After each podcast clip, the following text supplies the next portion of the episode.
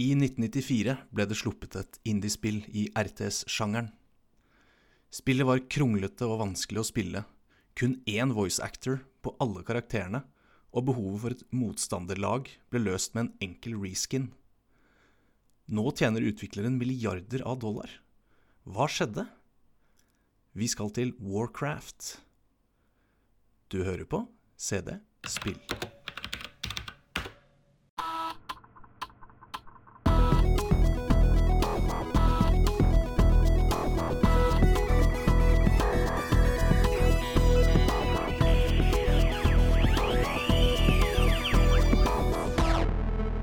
Velkommen til eh, CD Spill, podkasten hvor vi snakker om spill som var bra eh, da datamaskiner var bra eh, og verden var et behagelig sted å leve i. Eh, Vi snakker om DOS eh, og litt Windows-spill på PC fra 80- og 90-tallet.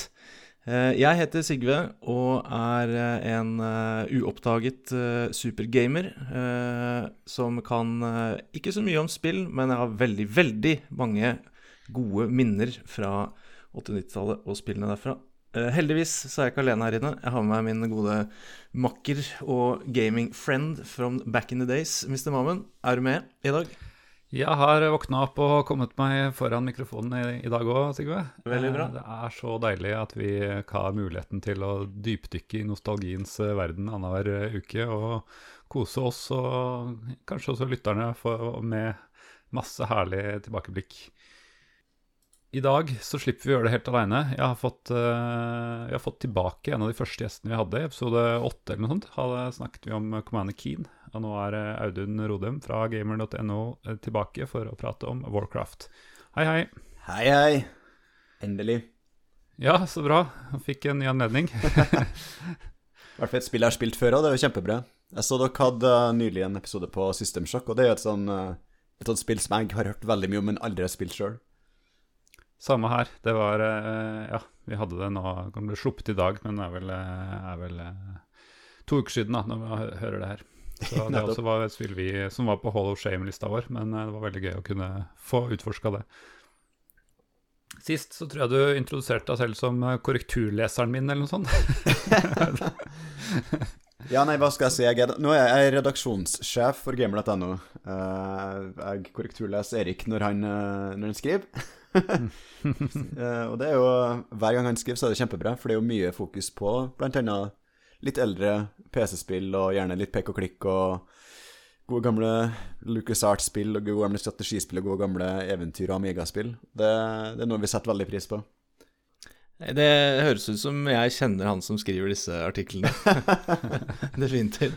Jeg syns jo jeg har lest, lest de artiklene, og så syns jeg at du, eh, du skriver eh, Altså, du skriver jo bra. Jeg syns det er veldig sånn engasjerende og, og, og gøy å lese. Eh, Men du skriver veldig det er veldig god norsk, men det er altså et samarbeid, da, skjønner jeg, eh, med en, en redaksjonssjef som sitter og Ja, nei, det Hyggelig leverer, at eh, Audun, Audun har vært gjennom det. Ja. det, det han leverer, det er jo helt k- kauderkveldsk, så jeg må jo Ja, skrive meg liksom. Nei da, det er bare. Jeg. Du må rette, og- rette Du må strekke ut plagga. Riktig. Det er faktisk litt sånn eh, først, Første gang jeg skrev på, på internett, så skrev jeg engelsk eh, på et engelsk nettsted, og da var det faktisk eh, en som, som tok og jeg, for, forengelsket den, eh, den litt forringede eh, engelsken jeg hadde forsøkt meg på, så da ble det faktisk bedre. Men eh, det, var, det var liksom bare grammatiske feil og rare ordsammensetninger. Det var liksom ikke en sånn Meningsbærende var jo selvfølgelig det samme. Det slipper jeg når det er på morsmålet, så det er jo fordelene. Ja, det, jeg har ikke noe utsett på deg, nei. Nei, det var godt å høre. Nå høres det ut som jeg fiska etter komplimenter her, så det er sånn småpinlig, egentlig. Jeg følte jeg måtte gi deg noe der, i hvert fall. Jeg kunne ikke bare slippe, ja, slippe helt. Du, nå får du komme tilbake til neste episode. Yes! Vi er for øvrig på episode 51, det sa vi kanskje ikke. Det er ikke verst, det.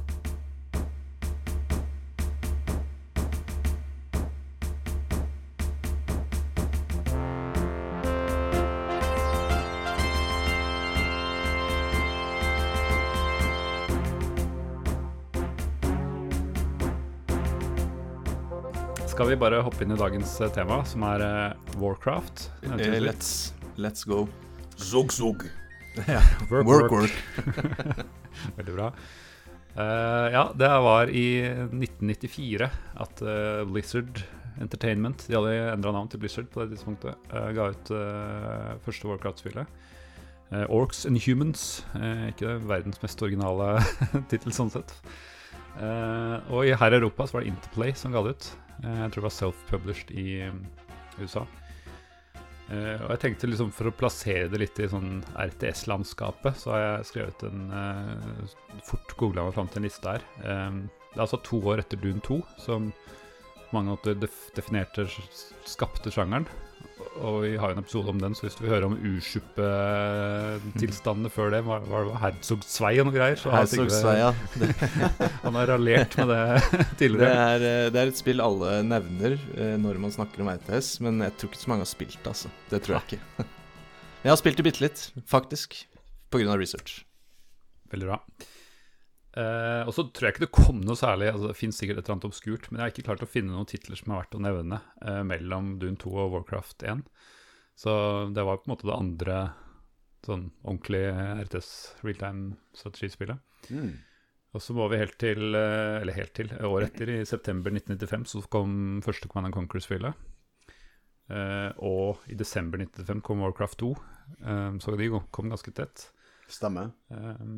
Og så så jeg at i 1996 så kom den Z, eller Z, um, som uh, ikke er fra Westwood eller uh, Blizzard, men uh, jeg vet at mange har gode minner for det. Um, Red Alert kom i 96, Total Annihilation kom i 97. Starcraft kom i 98, og Tabarian Sun kom i 99. Og det føler jeg kanskje er de viktigste samtidsstrategispillene fra 90-tallet. Ja, og, og, Age of Empires. 97, ja. tror jeg. Mm, det stemmer. Jeg føler at det er litt på siden, men jeg har kanskje ikke spilt det så mye. så, men, Veldig ja, mange som har, har, gode minner fra det, vet du. Ja, ja, absolutt. du har spilt det litt, Sigurd, har du ikke det? Jeg har spilt en del eh, Altså, det er farlig å påstå at man har spilt en del AOE, eh, for det er jo kompetitiv og et stort e-sport-konsept. Eh, men jeg har hatt mange lokale AI-skirmishes i, i Age of Empires 2. Uh, og jeg er faktisk en av de som syns at Age of Empires 3 var ganske gøy. Uh, mm. Kanskje fordi jeg ikke er den puritaneren som spiller competitive EOI2. Men jeg har, jeg har, en del timer i, i både toeren og treeren, ja. Uh, det har jeg. Men jeg er litt enig med deg at ja, det er jo en RTS i høyeste grad, men akkurat som den er litt sånn på siden av disse, av disse jeg, vet, jeg, greier ikke helt å sette fingeren på det, men den er litt sånn på siden er, er, det fordi at det, måten det forteller campaignene på, er ganske annerledes, kanskje? Det kan nok være. At, uh, ja, det er liksom uh... Fordi Warcraft 1 har jo en ganske historiedrevet til en viss grad kampanje, mm. og det samme gjelder jo Command Conquer-spillene. Og jeg, jeg, tror Dune 2 også hadde, hadde en sånn grad mm. av det. Mm. Men Sage of Empires er vel mer uh, løst i strukturen, ja, er, sånn sett. Er det, så mye, er det så mye story Nå er jo jeg en uttalt motstander av all law, jeg syns det er kjedelig. men, men er, det, er, det, noe veldig story, egentlig, i Age of Empires 2, f.eks.? Det er jeg faktisk ikke helt sikker på. Nei, Jeg har liksom uh, følelsen at det er en kampanje hvor du får vanskeligere og vanskeligere større oppdrag, men uh, ja. Men vi kan jo gå tilbake til det vi egentlig skal snakke om i dag. feil spill. Vi på feil spiller. ja. Spora med en gang. Ja. Det er min feil. Men okay, som sagt, vi kaller det det andre RTS-spillet i historien, bare for å gjøre det enkelt. Mm. Um, Warcraft 1, eh, Orcs and Humans. Hva, Sig, eh, jeg tror verken jeg eller Sigve har spilt dette.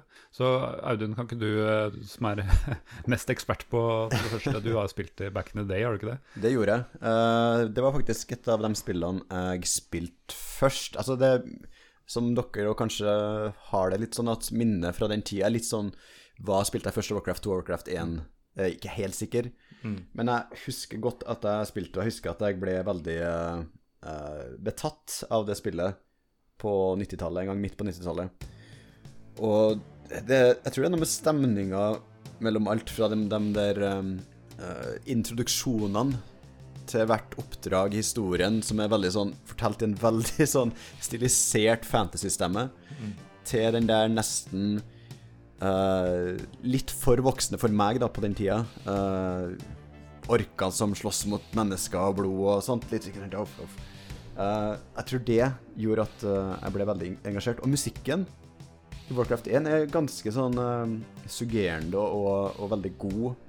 Uh, sånn god gammel Soundblaster-lyd som, som, jeg har veldig gode minner fra òg. Og selvfølgelig så var det mye sjarm og karakter i de forskjellige enhetene. Noe som jeg ikke Jeg hadde jo spilt Command Conquer rundt samme tid. Og jeg følte ikke jeg fikk helt det samme der som jeg fikk i Warcraft. Det var liksom en, mm. et nivå til av um, av interessante ting, da, og en litt sånn uh, Det virka som det var litt mer fokus på å fortelle noe uh, Ja, en, en, slags historie som, som, appellerte mer til meg på den tida, i hvert fall. Jeg syns absolutt vi skal ta en sammenheng mellom Command Conquer og Warcraft, eh, eller kanskje Westwood og Blizzard etter hvert. Men det er kanskje mer nærliggende å ta den når vi er ferdig med Warcraft 2, eller har kommet ut til det. Det tror jeg. Men uh, sånn spillteknisk hva Jeg husker at uh, Dune 2 har veldig mye begrensninger. Jeg mener at det er ganske likt i Warcraft 1. Husker det er det. Dune? Ja, absolutt. Noe av det som jeg tror de fleste merker hvis de eh, starter Warcraft 1 nå, er at for å bygge en by, så må du bygge veier. Mm. Du må bygge uh, fysiske veier mellom bygningene, ellers får du ikke lov til å sette ut bygningen. Du kan tenke litt på det som Creep fra Starcraft, bare at det ikke er mm. helt likt. Det er mer sånn um, som at du bygger nesten en mur rundt. Uh, og i tillegg så husker jeg det som et ganske tregt spill. Uh, enhetene beveger seg veldig tregt. Og en ting som er utrolig vanskelig å gå tilbake til, er at uh, det ikke er noe kontrollgruppering. Du kan markere hvis jeg husker riktig, fire enheter samtidig, men du kan ikke lagre det som en sånn kontrollgruppe, som du gjør i ja, både i Command Conquer Warcraft 2, Warcraft 3 og egentlig alle, uh, alle RTS-er. Ja. Så du har fire stykker som du kan flytte en plass, og når du klikker vekk frem, så må du klikke det inn igjen. Jeg tror du kan holde inn skift, og så dra, og så får du liksom en sånn markeringsgreie. Men da må du på en måte isolere fire enheter hver for seg da, for å klare å ha et system på det. Mm. Og det er veldig rart å gå tilbake til. Ja, jeg prøvde litt nå altså Jeg tror det eneste jeg spilte av dette på 90-tallet, var en demo av det. Uh, men uh, jeg prøvde nå, så la jeg merke til så, jeg, så, fikk jeg ikke til å merke flere ganger. Og så så jeg i manualen etterpå at jo da, hvis du skift-klikker eller noe sånt, så skal du få det til. Ja. Men bare fire, som du sier. Og det, ja, det hadde gjort det litt bedre, men det var uh, ja, det kan kanskje kalles en marginal forbedring i forhold til Dune 2, for der var det bare én og én. Men det, ja. er ganske håpløst uansett. Jeg husker mye av tida mi gikk med på uh, å rett og slett sette opp grupper uh, for, uh, for, å gjøre meg klar til å beleire en, en, borg eller noe sånt. ikke sant? Og det var, var mye arbeid rundt det. Det var, krever mye mer micromanagement da, når du er nødt til å ta én og én en enhet, eller fire og fire. Mye mer. Jeg mistenker jo at det er litt av grunnen til at det er såpass tregt. Mm. Uh, at du ikke kan gjøre grep så kjapt, så du må på en måte uh, ha muligheten til å, å, reagere litt. Og det var jo også et spill med to kampanjedeler. En som var fra menneskesida, og en som var fra orkesida. Så du følger hver av dem. Og de er ikke sånn som i nyere tid, så er ikke de liksom sånn at du gjør ferdig human campaign, og så begynner orke-campaign direkte som en slags fortsettelse. De foregår parallelt, og den som vinner uh, mot slutten av kampanjen, da vinner på en måte spillet. Og det er litt sånn uh, rart uh, i ettertid, for vi er så, blitt så vant med at det er en slags kronologi i det.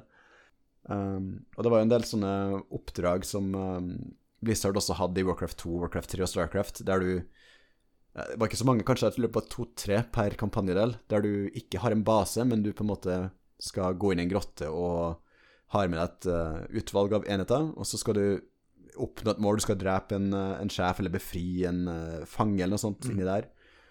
Og hvis du mister en enhet, så mister du en enhet. Og da er du mm. på en måte litt stuck, da. Ja, Blizzard jeg syns jeg var flinkere til uh, Ja, vi kommer sikkert tilbake, men jeg syns de var flinkere til å uh, tweake litt, da, og ikke bare ha strømlinjeforma liksom drep basen, finnebasen. Og, så for det, alle oppdragene Dune 2 var sånn, og jeg tror ja, eller ikke alle, men veldig mye Command Conquer var sånn. Så jeg syns Blizzard var flinkere på å liksom, finne på litt nye scenarioer rundt det. Ja. Fri enheter og diverse sånne ting. Og det var jo tida der safe scumming, altså det å lagre hele tida, mm. uh, og, så lagre, og så hente lagringsfila si hvis det går galt, det var vel, mye mer utbredt. Det er jo mm. ganske uvanlig i dag i de fleste sjangre. Og det, det, er jo et format som kanskje ikke gjør det så lett å på en måte komme seg. Hvis du mister halvparten av styrkene dine, så klarer du liksom ikke å gjøre for oppdraget ditt der. Og da må du begynne på nytt. Med mindre du har lagra greit. det er en ting jeg merker med sanntidsstrategispill, er det nettopp det der at du på et tidspunkt så går du tom for ressurser. Uh, og hvis du da har, er i en situasjon hvor du har en underlegen her i forhold til motstanderen, da kan du jo egentlig bare starte på nytt. fordi det, det, det, da skal du ha ekstremt eh, god micromanagement skill hvis du skal klare å komme deg ut av det. ja, kan, kan jo også si at Nå minner mitt er litt dårlig her, men uh, enhetsmessig så er både menneskene og orkene ganske like. Jeg lurer på om det er én eller to enheter som er ulike i liksom stats og hva de kan gjøre. Uh, jeg har sånn vagt minne om at det er noen magiformler som er litt forskjellige der. Men stort sett så er begge sidene av konflikten ganske like. Mm. Nei, de er, nok bare, de er nok speilbilder av hverandre, bare nye sprites. Men uh, de er, ja. jeg tror de har lik stats. Uh, og, og, så husker jeg ikke om det allerede er eneren, men i hvert fall i toeren så er det de magienhetene som er ulike. Ja, jeg lurer på om det er det i eneren nå, men jeg, jeg, lurer på om du kan uh, sømne Altså, du har en Jeg lurer på om det er orkene som har en sømmer, men jeg husker, jeg, igjen, jeg husker ikke helt akkurat det der.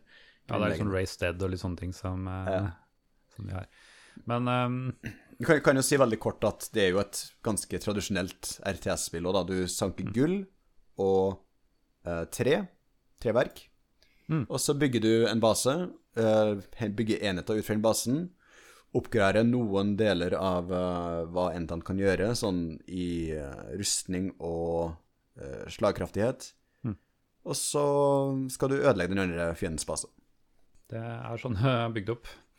Jeg eh, sjekka litt opp på, på Lauren. Nå er, er det klart at nå er Warcraft-Lauren ganske kjent fordi folk spiller er først og fremst uh, World of Warcraft, da, som etablerer alt dette. Men det var litt morsomt å titte litt i manualen og se hva som stammer herfra, hva som stemmer, og hva som har blitt motsagt og sånn. For bakgrunnshistorien for det her er jo at orkene kommer fra en fremmed eh, eh, dimensjon, som blir fre omtalt som her. Um, senere er det Draenor som har blitt Men jeg tror ikke det blir nevnt her. Uh, og de, det dukker plutselig opp en portal i orke, orkedimensjonen som gjør at de kan snike seg inn i menneskedimensjonen i kongedømmet Azeroth. Um, og ifølge Warcraft 1-law så er det Mediv uh, en ganske viktig personlighet, men han gjør det ved et uhell. Det, det har blitt motsagt senere, for å si det sånn, men det er et uhell at det plutselig åpner seg en portal. Eh, orkene smetter gjennom og, og, prøver først et lite assault på å finne ut at menneskene er så sårbare, fordi orkene er jo warriors. eh, og tilsynelatende så ser det ut som dette skal bli lett match, men eh, etter hvert som de begynner å komme til festninger og sånn, så er det på en måte Ifølge så er forskjellen at menneskene har mye bedre, bedre militær disiplin. Selv om orkene er sterkere og villere og mer bloodlust og sånne ting, så mangler de den liksom, strategiske elementet. da. Um, så da sniker de seg tilbake i eh, Eller de blir som jaga tilbake etter første assault på Stormwind, som er uh, hovedstaden i Kingdom of Azeroth. Og så Jeg husker ikke om dette blir nevnt allerede i eneren, men i hvert fall ifølge toeren så er det gått 15 år før de gjør uh, et nytt forsøk, da. Og det er på en måte da Warcraft 1, eller den første krigen som kalles, starter. 15 år etter initial contact. Og da tror jeg ikke de har hatt noe særlig kontakt da på de 15-årene. Og det er jo litt merkelig at eh, de fremstilles som speilbilder av hverandre, når, når det i Lauren står at orkene er så mye kraftigere og sterkere, og liksom, menneskene tåler ingenting. Så det virker jo litt sånn contradiction. Men um, kan være at de har litt rustninger og sånne ting som gjør det, gjør det at de balanserer ut. Det vel, eh, dette var vel på en tid eh, i dataspillutviklingen hvor eh, man kunne, ha, man kunne drømme og ha mange gode ideer, men så var det det der å få knota ned til en kode da, som, som kunne sendes ut på en, en, en diskett eh, mm. og kjøres på kontormaskinene til fedre rundt omkring. Så det kan hende at det har skjedd noen tilpasninger der med luftig law, og så Nei, vi må bare få det til å fungere. Så så ble det bare reskin og speil, speilvendte fiender, eller ja, units. Ikke minst så gjør det at balansen er litt lettere å opprettholde mm. mellom de to mm. fraksjonene. Mm. Uh, og som du sier, jeg tror det var Altså, vi, vi ser jo at det endrer seg ganske kjapt bare noen år etterpå, mm. uh, men akkurat da så var nok det Vi må begynne et sted, og det er lettere å mm. lage to ting som er ganske like, men som ser forskjellige ut, i stedet for å lage ting som er helt forskjellige, og så prøve å balansere dem rundt mm. hverandre. For det er, jo, det er, jo, tydeligvis noe de har tatt på alvor, for å si det mildt. For jeg, jeg vil jo påstå at Blizzard eh, har fått til det der med å balansere forskjellige Mm. fraksjoner eh, i ja, Warcraft og Starcraft og eh, Så det har de jo blitt veldig, veldig gode på. Men det er jo, det er jo nesten litt søtt å se hvor det starta. Det er jo to ulike path eh, for Ork og Human Campaign. Um, og de er veldig sånn Jeg føler at i hvert fall i Warcraft 1 så er det veldig sort-hvitt. Her er, de, er menneskene gode, og, og orkene de er onde. Det er, det, er, det er ikke noe tvil om det. Um, men jeg merker at den um, den, eh, altså den voiceoveren, spesielt på oppdragsgiverne, den er så rar. På, den er rar på toeren òg, men den er spesielt rar på eneren. Og jeg veit ikke helt hva Jeg har sånn inntrykk av at er det, er det sånn at uh, det er amerikanere som prøver å snakke britisk, eller noe sånt? For det, det er noe veldig sånn off med den uh, fortellerstemmen. Ja, det, som, uh... det, det er morsomt du sier, for det lurte jeg også på. Jeg tenkte ikke så mye over det når jeg gikk gjennom Let's Plays på eneren, men jeg ble det veldig bevisst når jeg spilte gjennom toeren litt, at Mm. det er Det høres ut som det er en amerikaner som skal snakke med fantasy-stemme, og da blir det en sånn halv, halvbritisk variant. Eh, så det er, ikke, det er ikke sånn at jeg mister immersion i verden. Men, eh, men jeg la merke til det også. At hva, er du britisk, eller er du amerikansk? I don't know. Ja, det er jo veldig teatralsk og overdrevet, men eh, det, det, det gjør det jo litt mer dramatisk òg. Så jeg, jeg, jeg syns det funker. Mm. Det, det jeg, jeg, Altså, jeg husker hvordan stemmen der er, ikke sant, i hodet mitt, så det er tydeligvis at det, det har greid å feste seg. Og det er enda mer åpenbart i toeren, for da er det veldig sånn Det er veldig ovenfra og ned-kommando. Altså her får du ordre. Du- skal ta dette, og du skal gjøre ditt, og du skal gjøre datt. Og Både på orkecampaign og human campaign. Um, ja, men kan vi jo bevege oss eh, mot Warcraft 2 her, eh, for eh, ja, da var det jo Av disse to stiene så bestemte de seg for at orkecampaignen skulle være canon. Eh, så det som ender med, ifølge Lauren eh, i, i, i toeren, er at eh, orkene vinner over kongedømmet Azeroth. Som, og de må liksom flykte til andre kongedømmer. Det, de er ikke så Altså, på det tidspunktet så er det eh, hele verden. Og det står også eh, på windscreen at eh, ja, hvor det har liksom blitt av menneskene, det får vi finne ut en annen gang. Så de hinter litt til at de skal ha tenkt å lage en, eh, en oppfølger. Og det står vel også at eh, Og kanskje denne portalen kan få oss til andre dimensjoner. Oi, oi, oi, oi. så de fisker litt der. Og det samme hvis eh, menneskene vinner, så sier de eh, ja, vi har eh, fått fordrevet disse orkene fra verden vår, men uh, vi må fortsatt finne ut hemmelighetene, hvor denne, hvordan de kom inn til vår verden, og hva, hva hemmeligheten er der. Så det, de bygger litt opp på at det, det er ikke ferdig fortalt. Mm. Men uh, ja, som sagt så er det da som canon er at orkene overtar denne delen av menneskeverdenen, menneskeverden. Men vi har visst beholdt en del sånne elementer som bare kommer fram i Human Campaign. da, sånn hvordan eh, enkelte slag skjer, eller eh, at noen dør som dør i begge, blir det kanskje flasha ut bare på Human Campaign og sånne ting. Så sånn sett så har de prøvd å flette sammen litt.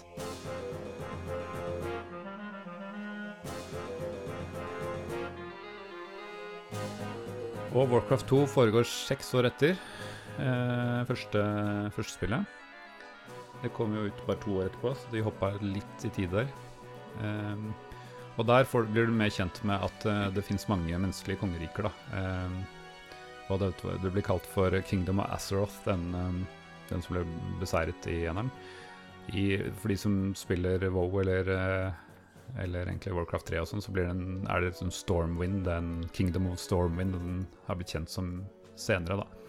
Det, menneskene bærer vel litt preg av det samme som orkene. At de er veldig, i hvert fall i starten så er de veldig separat. Altså, orkene er i mange klaner, og de har ikke vært united. Eh, det er liksom en veldig viktig del av backstoryen til orkene. Og sånn har det vært med menneskene. De har ikke tatt helt det seriøst av den orkeinvasjonen, for de kom jo bare på Kom jo bare til eh, Stormwind. Men eh, det er vel en viktig del av Warcraft 2 at nå liksom, må man samle alle kongedømmene som er igjen rundt omkring, da, og gå til felles front mot, mot uh, Orkish Horde, som det heter. Mm. Det er jo et uh, stort steg opp, vil jeg si, i um, fortellerteknikken deres. Uh, de hadde I Warcraft 1 så tror jeg de hadde noen få sånne helteunits. Men jeg tror ikke det var Jeg husker ikke helt Jeg lurer på om det var én eller to av dem. Uh, men det blir mye mer tydelig i Warcraft 2 at eh, det er noe som på en måte skiller seg litt fra resten. da og de er litt, litt sterkere og sånt. Jeg, jeg, tror fremdeles ikke du er helt på Starcraft-nivå der, men, eh, men, det er fremdeles et, et, et stort hopp der. Og du følger, følger, liksom enkelte helter gjennom flere ting. Det er veldig mange flere navn som har noe å si for, uh, for liksom, his overall historien av de heltene du styrer, og som gjerne må overleve. og som ja. har vel, de er sterkere, og jeg tror de har noen spesielle egenskaper og sånn også. Mm. Og så har de jo, som spillteknisk, så har det blitt litt bedre, fordi da Nå er det ni du kan velge samtidig. Eh, ja. Som fortsatt er lite, men det gjør det litt mer spillbart. Jeg må, jeg må si jeg er litt usikker på, og det kan hende jeg tar feil her, men jeg har et vagt minne om at det var først seks, og så ble det ni i Battle.net Edition, men det kan hende jeg tar feil der, altså. Det kan hende alltid var ni. Det kan hende at, ja, at det kom i Beyond Dark Portal eller et eller annet noe, men um, ja. Det er um, en forbedring uansett. Er veldig betydelig forbedring. Ja, for Det er jo morsomt nå når jeg så, så de på en måte ved siden av hverandre, eh, Warcraft 1 og 2, hvordan det gikk fra å være et uh, litt quirky, nesten indie-spill med det, det påstås vel at det er én voice actor på alt i hele mm. Warcraft 1. Både på narration og på alle enhetene. Og, og så går det jo Ja, det er vel ca. et år, et drøyt år, og så slipper de jo eh, Warcraft 2. Det er en oppgradering, for det er sånn det er liksom, Da snakker vi Triple A-tittel. Det er eh, med awesome CGI sections, eh, cutscenes og fet musikk og Eller enda bedre musikk enn eneren, mm. og, og, en law som ikke er like improvisert. Um, og et par ekstra uh, voice actors. Så det er bare morsomt å se. Den nesten mm. indie-spill-starten, og så toeren. Bam! Da er vi på Triple A-tittel. Mm.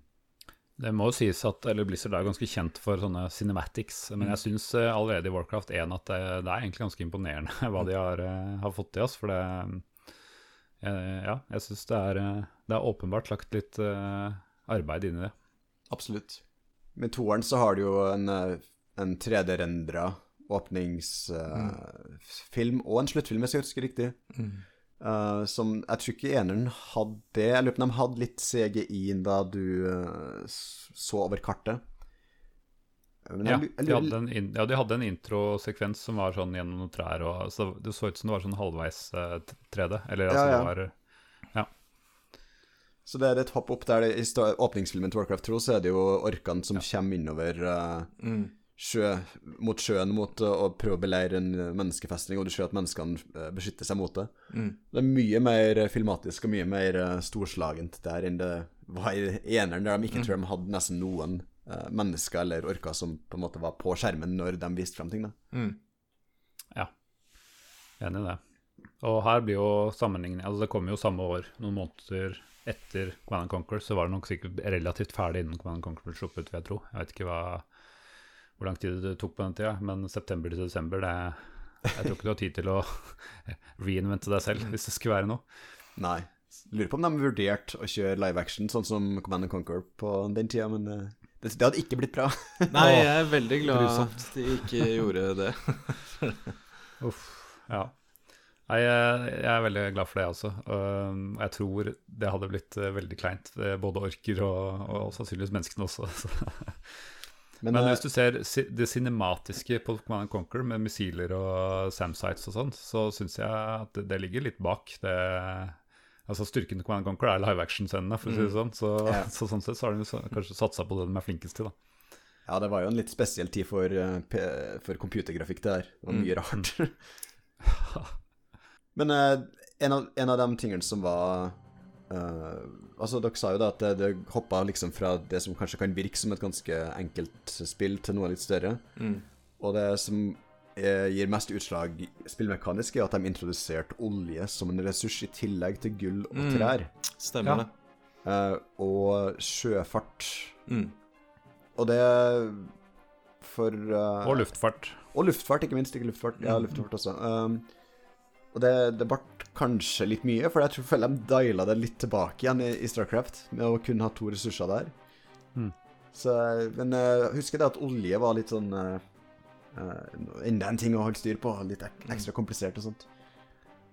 Ja, i hvert fall hvis du tenker på Westwood 1, så har de alltid bare én ressurs i stort sett alt. Så det er uh, Tiberium eller Ore eller uh, Spice eller et eller annet. Nettopp. nettopp. Så det er bare penger. Nei, det gir en ny dimensjon. Jeg, jeg synes det var Altså, Warcraft 2 var det første Warcraft-spillet jeg ble kjent med. Det var vel begynt med en demo. Og jeg husker at jeg syntes det var litt sånn rart med en fantasy-setting med olje. For det hadde jeg ikke opplevd før, og det tror jeg ikke jeg har opplevd siden heller. Nei, det, det, er faktisk litt spesielt. De fjerner jo det i Warcraft 3, så var ikke det noen olje lenger. Nei, for Nei, det var liksom Warcraft 2 og så ferdig. Ja, skulle til å si, jeg kan ikke For jeg har jo spilt litt Warcraft 3. Jeg kan ikke huske det var noen oljeplattformer der, altså. Nei, det var vel kun uh, gull og treverk der. Men de hadde jo et ja. annet designfokus der, da. Ja. Mm. Nei, det var uh, litt merkelig. Men jeg husker det som Jeg husker veldig bestemt det som gjorde mest inntrykk på meg når jeg spilte den demoen. Det var Altså, grafikken var så som så, men når, når uh, Altså, den var ikke dårlig, men det som liksom skilte seg ut, var når bygningen ble skada så begynte de å brenne. Og de flammene de ser, så, de ser så ekte ut i forhold til det litt mer tegneserieaktige resten. Så det, det så ut som de liksom har gjort ordentlige stillbilder av flammer og så putta det oppå, og så ser det litt off ut. Men jeg ble både imponert og, og litt sånn Så litt urealistisk og realistisk ut på en gang, da. Ja, det var jo litt sånn detaljfokusert òg, fordi at uh, bygningene brenner jo mer desto mer skada ja, de er. Jeg tror det, blir større. To, mm. ja, eller om det er to eller tre lag liksom mm. du går ned før, du, før bygningen er jevna med jorda. Da. Mm. Det er litt sånn uh, artig designmessig som, uh, som uh, ikke virker så imponerende kanskje nå, men som jeg tenkte over den gangen at ja, det var smart.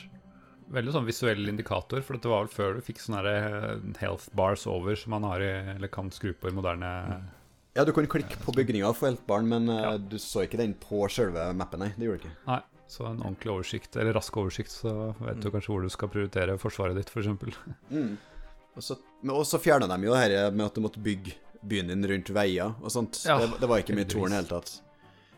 Og jeg er litt usikker på det her nå, mulig jeg snakker feil igjen men jeg mener at det var mulig å bygge vegger i Warcraft 1 men at det var fjernet i Warcraft 2, eller omvendt.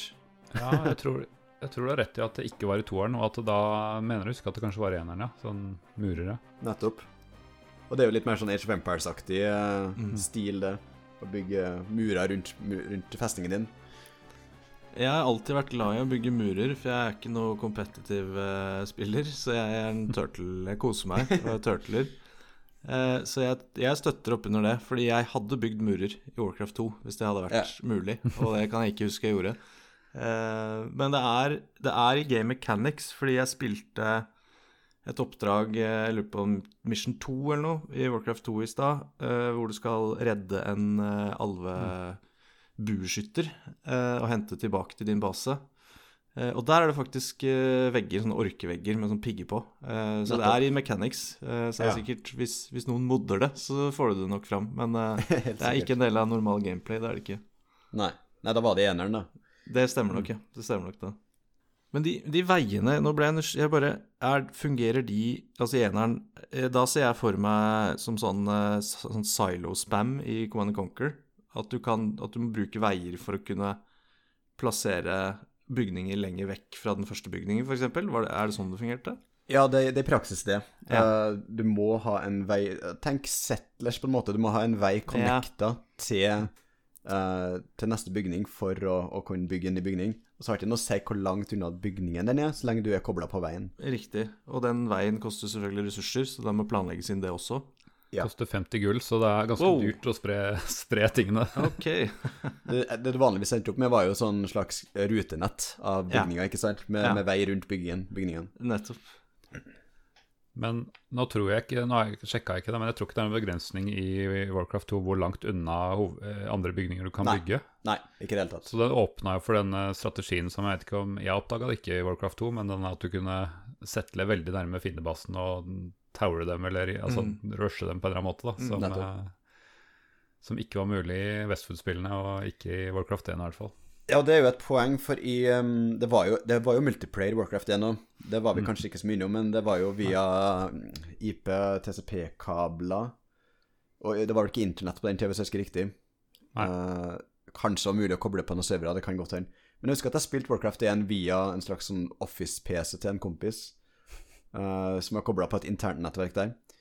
Uh, og i Warcraft 2 så tok, jeg, tok jeg med det et hakk videre og utvikla det tydelig med tanke på å ha en skikkelig multiplayer. Og det Altså, Warcraft 2 er uh, på mange måter starten på det som ble Starcraft, da. Mm. At uh, Blizz, Blizzard går veldig hardt inn på Ok, vi ser at folk liker å spille sammen mot hverandre. Mm. Vi, designer kart litt mer rundt det. Så da får du jo sånne ting som expanding, altså det å lage en sekundærbase Mm. som for å få ekstra ressurser. Sånn type mekanikker kommer plutselig inn i spillet. Uh, og det, det, det føler jeg først ga seg til uttrykk skikkelig for, for Blizzards del, i hvert fall, i Warcraft 2. Jeg merker jo det at uh, Blizzard eh, Altså, det passa kanskje ikke min spillestil like bra som Westwood-spillene, fordi du var nødt til å planlegge sånn ressurssanking på en eller annen måte enn Fordi den strategien min gjennom hele 90-tallet, det var alltid å bare masse opp massevis av enheter, og så bare mm. ta alt du hadde og sende deg av gårde og håpe på det beste, liksom. Klarte ikke å micromanage så veldig mye og være strategisk med foran og bak, sånn. Det var noe jeg lærte meg litt senere. Og det funka stort sett i Command and Conquer og de her som du bare kunne Hvis du hadde nok, så bare bulldosa du alt, ikke sant. Men det, det var litt mer vrient. Og når du bare kunne velge ni og ni enheter, så Og jeg tror forresten ikke det funka å assigne dem til sånne kontrollgrupper, for det prøvde jeg, jeg fikk det ikke til i hvert fall. I hvert fall ikke de tastene som jeg er vant til at det er. Det kan at det, I det noen Warcraft 2? Mm, I Warcraft 2? ja. Eller, ja, jo, det funka, men ikke før i uh, Battle.net Edition. Ja, okay, ja, for den kom jo 98 eller nesten 2000 eller noe sånt, gjorde den ikke Ja. det? Men- Ja, et, etter, uh, etter Starcraft, tror jeg. Ja, ja, at de hadde på en måte gjort seg en Ja, ref dette med eh, online-spill og, og Mm. multiplayer. Så at de Ok, nå har vi lært ting fra Starcraft, nå, nå setter vi det på, på Warcraft 2 også. Nettopp. Med god suksess, vil jeg si. Men det er jo to litt forskjell... Altså, det er to forskjellige spillestiler, og det føles veldig forskjellig å spille Command Conquer og ja, Warcraft 2, da. Mm, Uh, I nettopp det du sier, at du bulldoser dem med en stor, svær eh, sverm av, eh, av enter som du på en måte bør dytte mot, mot uh, fienden, mens i Warcraft så er det litt mer uh, micromanaging, posisjonering, trekk fiender Mm. Heal dem hvis du har healere, litt sånn type ting. Uh, som gir en litt annen følelse av spilling, der du uh, kanskje ikke føler deg så mektig, men der du på en måte må reagere til enhver tid. Ikke at det ikke eksisterer Command Conquer, det også, men der er det ofte Altså, enhetene er verdt litt mindre. De, de, de koster litt mindre, de tar litt kortere tid å produsere, og du kan spy ut masse infanteri ganske kjapt. Men til gjengjeld så er tanks og sånt mye mer sterkere igjen enn infanteri. og ja. Men det, det makes sense, det du, du sa der, Mammen. eh, og, eh, for det satte vel kanskje fingeren litt på hvorfor jeg ikke har liksom besøkt Warcraft så mye eh, i ettertid. Men Command Conquer kan jeg liksom kose meg med. Og det er jo fordi vi er vel ca. like rå på competitive RTS-spilling. ikke så veldig. Eh, sånn at jeg koser meg med det samme. ikke sant? At i Command Conquer så kan jeg bygge en Hvis jeg bare forsvarer greit nok, så kan jeg bygge en enorm base, tekke opp og liksom ha det gøy, da. Eh, og så kan jeg krige litt hvis jeg vil. Eh, og hvis jeg skal dra til Ja, så er det også sånn røftlig at jeg sender alt jeg har nordover, og så satser på at det går bra. Det går ikke i Warcraft, da. Der, det er som du sier, Audun, at der er det Du blir, du blir tvunget til å være mer på offensiven, være i bevegelse. Du kan ikke ha masse enheter. Du, du må liksom passe på de du har. Eh, så jeg har mange, mange, mange timer med Warcraft og hatt det veldig, veldig gøy. Men den derre casual-kosen, den, eh, den finner jeg nok i Command Conquer heller, ja. Casual-kosen i Warcraft er jo, tenker jeg, da sterkt knytta opp mot juksekodene, Ja. både i Warcraft 1 og Warcraft 2. Ja. Og det var jo uh, vanlig på den tida å ha uh, en eller annen form for uh, command prompt, der du skrev inn eh, koder. Eh, jeg vet ikke om det, det er ikke så vanlig lenger nå. Så det er nok noe vi litt eldre folk Ja. husker, husker kjært. For da fikk du plutselig ressursene du trengte til å gjøre hva du ville. ja. Ja. Nå har jo cheat codes blitt uh, erstatta med, med in-app purchases på Ja. mobiler og, og diverse, så kan Ja. man glemme det nå. ja. Men det husker du noe av cheat codesene? Fordi jeg Glit, Glittering Prices var en, Glittering Prices var en husker jeg. Men jeg husker ikke ja. om det var på en eller toeren. Ja, da tror jeg det er toeren, for Glittering Prices har jeg skrevet inn. Det er ganske sikkert. Ja, det er sikkert toeren. Uh, så husker jeg ikke så mye mer. Det er jo den som er viktigst, for å få det gull. Den du trenger. Mm. ja. Og så merker jeg at eh, det er litt av de samme problemene Vi, vi snakka jo om Command Conquer og Red Alert eh, i fjor og i forfjor, vel. Um, og selv med remasteren så merker jeg at uh, det som er problemet der, er path, pathfindinga. At de er veldig Du setter dem et sted, og de kommer ikke fram, og de går rundt, og de går Jeg føler ikke at det er så veldig mye bedre i Warcraft eh, 2 heller. De er, det er vanskelig å, ha, å få dem til å dukke opp der du vil. Uh, de bør være liksom clear path hvis du Mm. skal få noe effektivt ut av det. Ja. Og du har jo ikke sånne rally points heller ut fra bygningene som du har i moderne spill, at du kan si at gå dit når du er bygd. For da blir det til at Og du kan ikke kue opp eh, flere ting heller, så det, du må følge med veldig mye da, overalt. Jeg eh, erfarte jo det nå på på min lille gjennomspilling eh, av Warcraft 2. eh, På det, nettopp på det oppdraget med disse murene jeg snakka om. For da fikk jeg slått et hull i, i den muren, eh, som da var altfor lite til min store lille hær. Eh, og så fikk jeg tatt over kommando over disse bueskytterne. Og så tar jeg jo For det første så merker jeg jo hele dytten eh, og sender jeg av gårde. Og da Nei, men i alle dager, jeg får ikke merke alle, så jeg prøver å merke det en gang til. Og så kommer jeg på Ja, stemmer det, dette er gamle dager. Så jeg må merke seks og seks av gangen, eller ja. Og da merka jeg jo det at eh, på vei ut av den, det lille hullet jeg hadde lagd i den muren, så da ble det trøbbel. Der var det mye rart. Så den pathfindinga Det var kanskje En sånn mur er kanskje det vanskeligste scenarioet for en early pathfinding, men eh, ja, eh, det var Mission 2, så hadde jeg problemer med pathfindingen. Mm. ja jeg husker at det var en ting de um, De fokuserte litt på senere, å, å, å lage en bra pathfinding. Mm. Det føles jo ganske selvsagt nå, men det, det Mm. var ikke det den gangen, altså. Jeg, jeg syns det er litt morsomt med alle de lydene fra eh, liksom unit sounds, da, når du trykker på dem og sånn. Det var jo for eksempel eh, Work completed. Mm. By your command. At your service. Awaiting orders. Der har du en, brit, der har du en britisk-amerikansk Ja, greie. der har du den. Ja, nettopp. Altså, det må jo bare sies at fy søren, bra jobba av Blizzard. De har greid å lage et spill hvor all, all musikken og alle lydene er liksom minneverdige. Er liksom, du kjenner igjen. Det er liksom Alt er så sykt eh, distinkt og ja, vekker bare nostalgien så sjukt, da. Så det er eh, bra jobba eh, av Blizzard der.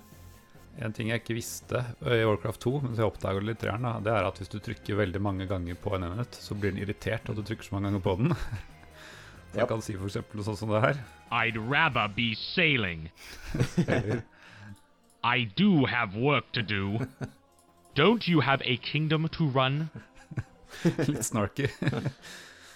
Du har jo klassikeren i jeg tror Warcraft 2, i hvert fall, der du kan trykke på sauer som du finner rundt omkring i, um, i landskapet, såpass mange ganger at til slutt så sprenges de. Litt sånn easter egg. Prøvde på en sel, for jeg hørte noe tips om det. Jeg fikk det ikke til. Enten så trykka jeg ikke nok ganger, eller så funker det bare på sauer. Jeg er litt usikker. Jeg tror det funker på seler òg. Ja, for det har jeg noen sånne vage minner av. For jeg så de der selene eh, når jeg spilte i stad, og så prøvde jeg å angripe For jeg huska at de døde på en eller annen måte. Og så prøvde jeg å angripe dem, men det går ikke. Men ja, da er det jo selvfølgelig det. At du må bare trykke på dem nok, så, Ja. så sprenger de. Det var det, det, var Bare- det jeg skulle gjøre. Det var det. Bare sp spamklikke dem helt til dem, Ja. på en måte. Men det, det tar eh, fort 20 sekunder. Ja, ikke sant. Noe må du gjøre mens du venter på at en eller annen oppgradering tar for, blir ferdig, eller gull, gullet kommer inn. Ikke sant? Men apropos spamklikking, jeg tror, eh, jeg tror jeg la merke til eh, nå at eh, eh, altså attack spamming er jo en greie i, eh, i moderne RTS-er, og vært spesielt i, i Starcraft og sånn. Men det, er, eh, det må man ikke gjøre i Warcraft 2, fordi det er akkurat som hvis du er attack spammer, så, så sender du en ny kommando til dem, så de stopper opp og må tenke et halvt sekund, og så angriper de. Mm. Sånn at hvis du er attack spammer, så blir, blir de bare liksom bare stående og øh, Ja, for de Ja. avbryter nåværende, og så, så får de bregne på nytt. Nettopp. Ja, så. Det, dette var før uh, Blizzard si, introduserte attack spam-muligheten. Mm. Må ta en titt på disse orkelydene òg, da. Zug Zug, Swobu, Gloptar, Dabu. We're being attacked. Work complete. Det er altså rett i nostalgien, da. Det er helt uh, Det er helt vilt. Det er Mye grynt. Ja. Husker det der godt, altså. Gjør det. Ja, du er jo et par ganger gjennom dem når du skal spille en match, og det, de fester seg jo. Men uh, min favoritt er fortsatt eh, kirkelyden på, på Alliance uh, når du bygger dem, for den uh, lager sånn sakral lyd som det her.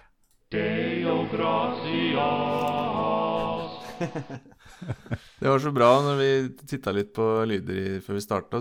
Jeg kjente jo ikke igjen den. Jeg bare Å ja, du har funnet fram en lyd. Kult. Og du bare Ja, den er jo Den er jo nostalgic, liksom. Den er jo fra Skjønte jeg ikke. Men så skjønte jeg det jo, fordi Hvilken, hvilken enhet var det, det den de produserte, sa du? Den Det er, er det sorcerer eller mage eller Ja, sånn troll, så det er litt- trollfolk? det er Eller priest, kanskje? Ja, så det er litt sånn Det er litt opp på tech-treet. Ja, det er jo topp tier, tenker jeg. Eh, og da Det er top tier, og da Ja, selvfølgelig. Eh, jeg kom jo aldri dit, jeg. Jeg holdt jo bare på med sverd og pil og bue. Eh, Mm. Og tapte vel før jeg kom så høyt som den. Så da, da skjønte jeg hvorfor jeg ikke har hørt den så mye. Det var litt for høy tier, rett og slett. Ja, jeg syns vi må snakke litt mer om musikken. jeg, For eh, ja, eneren var det flere komponister, men toeren så var det Glenn Stafford som, eh, som eh, komponerte alt, så vidt jeg har sett. Mm. Og han, de som har litt kjennskap til Blizzard, vet at han var med ja, lenge. Og han har komponert mye til World of Warcraft etter hvert også, så han var lang, long time composer. Så han har litt sånn Han har lagd veldig mye Musikken i toeren er så minneverdig, og Mm. de har gjenbrukt det litt eh, Jeg tror de gjenbruker litt av det i Heartstone blant annet, og i, Mm. i World of Warcraft også, lurer jeg på. Så, så det, det er litt morsomt hvordan de bare har funnet ut at dette dette kan vi gjenbruke for eh, nostalgiske purposes, eller bare fordi det er bra musikk. Jeg vet ikke. Mm. Ja, det har jo blitt soundtracket til eh, Warcraft-universet, føler jeg, da. Eh, jeg har jo spilt litt Hearthstone, eh, og det, det er jo eh, Du har jo noen av disse lydene, eh, men også musikken. Og det er bare sånn Ja, nå er jeg i Warcraft-verden. Det det, dette er liksom soundtracket. Eh, så det er jo Jeg er imponert eh, der også. De er bare han, Glenn har greid å lage en, et sound da, som eh, som er, har så sinnssykt tydelig identitet at uh, du, bare, du Mm. bare kjenner i kroppen hvis du hører et par sekunder bare Ja, nå er vi i Warcraft-verden. Det er ikke så farlig med hvilket av spillene, men vi er i en ganske etablert verden. Det er vi. Kan jeg også nevne at i 1996 så kom det expansion-packen til uh, Warcraft 2, Beyond the Dark Portal. Uh, og den skulle da for første gang ta deg med hjem til orkeverden. Det var da du utforska dette Draenor og, og de tingene rundt der. Uh, og den er faktisk, i motsetning til uh, Warcraft 1 og 2, som har uh, eh, separate historier, så er den for første gang sekvensiell, sånn som de også gjorde i Starcraft, kanskje enda mer tydelig. Men der er det vel orkekampanjen først, og så etter den så følger menneskekampanjen. Så ja, der går det an å liksom si at fra derfra er vi én lår, da. Mm. Så er det selvfølgelig retconna litt her og der, men det er i hvert fall litt mer enhetlig. Ja, og det er jo der de først begynte å skikkelig banke mye på de her helteenhetene sine. Mm. Uh, noen av dem er jo kjent for eh, Kjent for fremdeles nå i dag, sånn som Grom Hellscream er jo en klassiker i, i Warcraft-låren for dem som spilte World of Warcraft og sånt, f.eks. Mm. Uh, så det var jo Det var kanskje her du begynte å merke konturene da, av det som ble Warcraft 3, og det de gjorde med Kerrigan og Ra Raynor og Tassadar og alle i Starcraft, med å bygge liksom et spill rundt noen helteenheter som bringer historien videre. Mm. Jeg syns virkelig de begynte å hva skal vi, spisse blyantene og, og liksom få litt law, eller liksom få litt historiedrevet i Det er ikke bare, bare om å masse enheter, eh, men eh, å faktisk for, fortelle en historie da, som ikke bare var veldig generisk. For eh, utgangspunktet, altså orker er jo bare en Ja, det er jo en Tolkien-oppfinnelse, så de var jo ikke veldig originale i utgangspunktet, men her begynner de i hvert fall å lage litt sine egne law rundt det, da. Mm. Eh, Jeg vet at Beyond the Dark Portal ble litt eh, sånn midt på treet mottatt, fordi det var ikke noen nye enheter. Og det er jo ganske, det kan du forvente når du kjøper en expansion back, kanskje, at det er noe eh, nytt. Det var bare nye, nye maps, liksom, og ny, ny historie. Så det var den kanskje negative aspektet ved det. Ja, og så er det vanskelig, fordi det fortsetter vanskelighetsgraden fra Tides of Darkness og tar den med inn i Beyond the Dark Portal.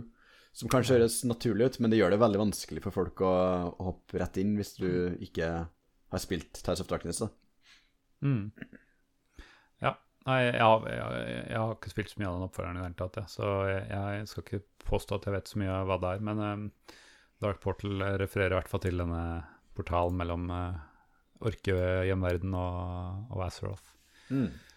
Men det er morsomt, det derre Azeroth, det er kanskje det mest uh, forvirrende begrepet i hele det Warcraft-universet. Fordi det har betydd så mange forskjellige ting, og betyr fortsatt så mange forskjellige ting, eh, avhengig av ting. Uh, det er både betegnet, som jeg sa, på det minste kongeriket som kanskje blir kjent som Stormwind uh, i dag, da.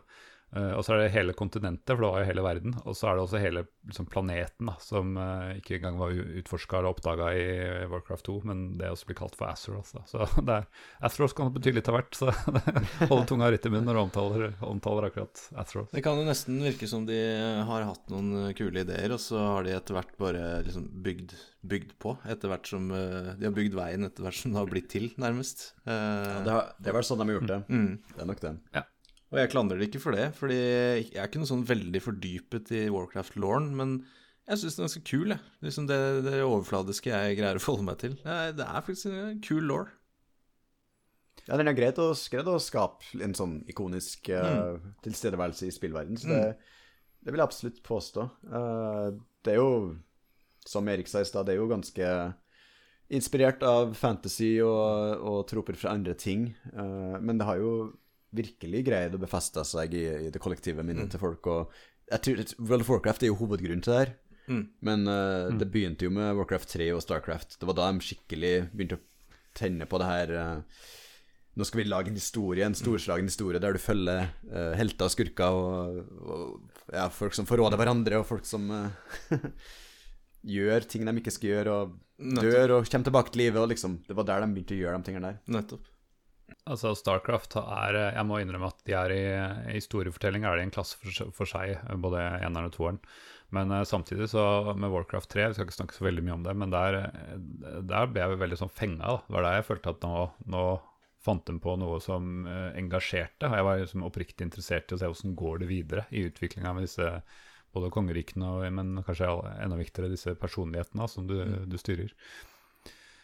Um, og det er jo kanskje det som Jeg vil tro at det fenger en del av Warcraft, World of Warcraft-spillerne. uh, For det er fryktelig, fryktelig mye tekst i, i oppdrager og, og mediumfortelling. Og jeg tror noen er sikkert bare interessert i å dinge opp og, og få erfaringspoeng, men jeg tror nok en god del uh, i mer eller mindre grad syns det er interessant å få med seg uh, hvordan denne verden er skapt. Da. Og du får jo et helt annet forhold til det når du ser det fra første, pers førstepersonsperspektiv. Mm.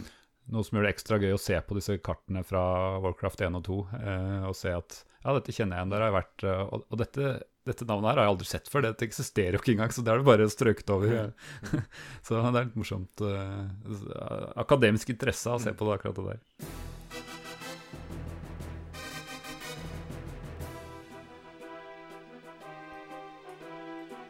Jeg eh, prøvde å finne litt ut om hvordan eh, Warcraft eh, ble til.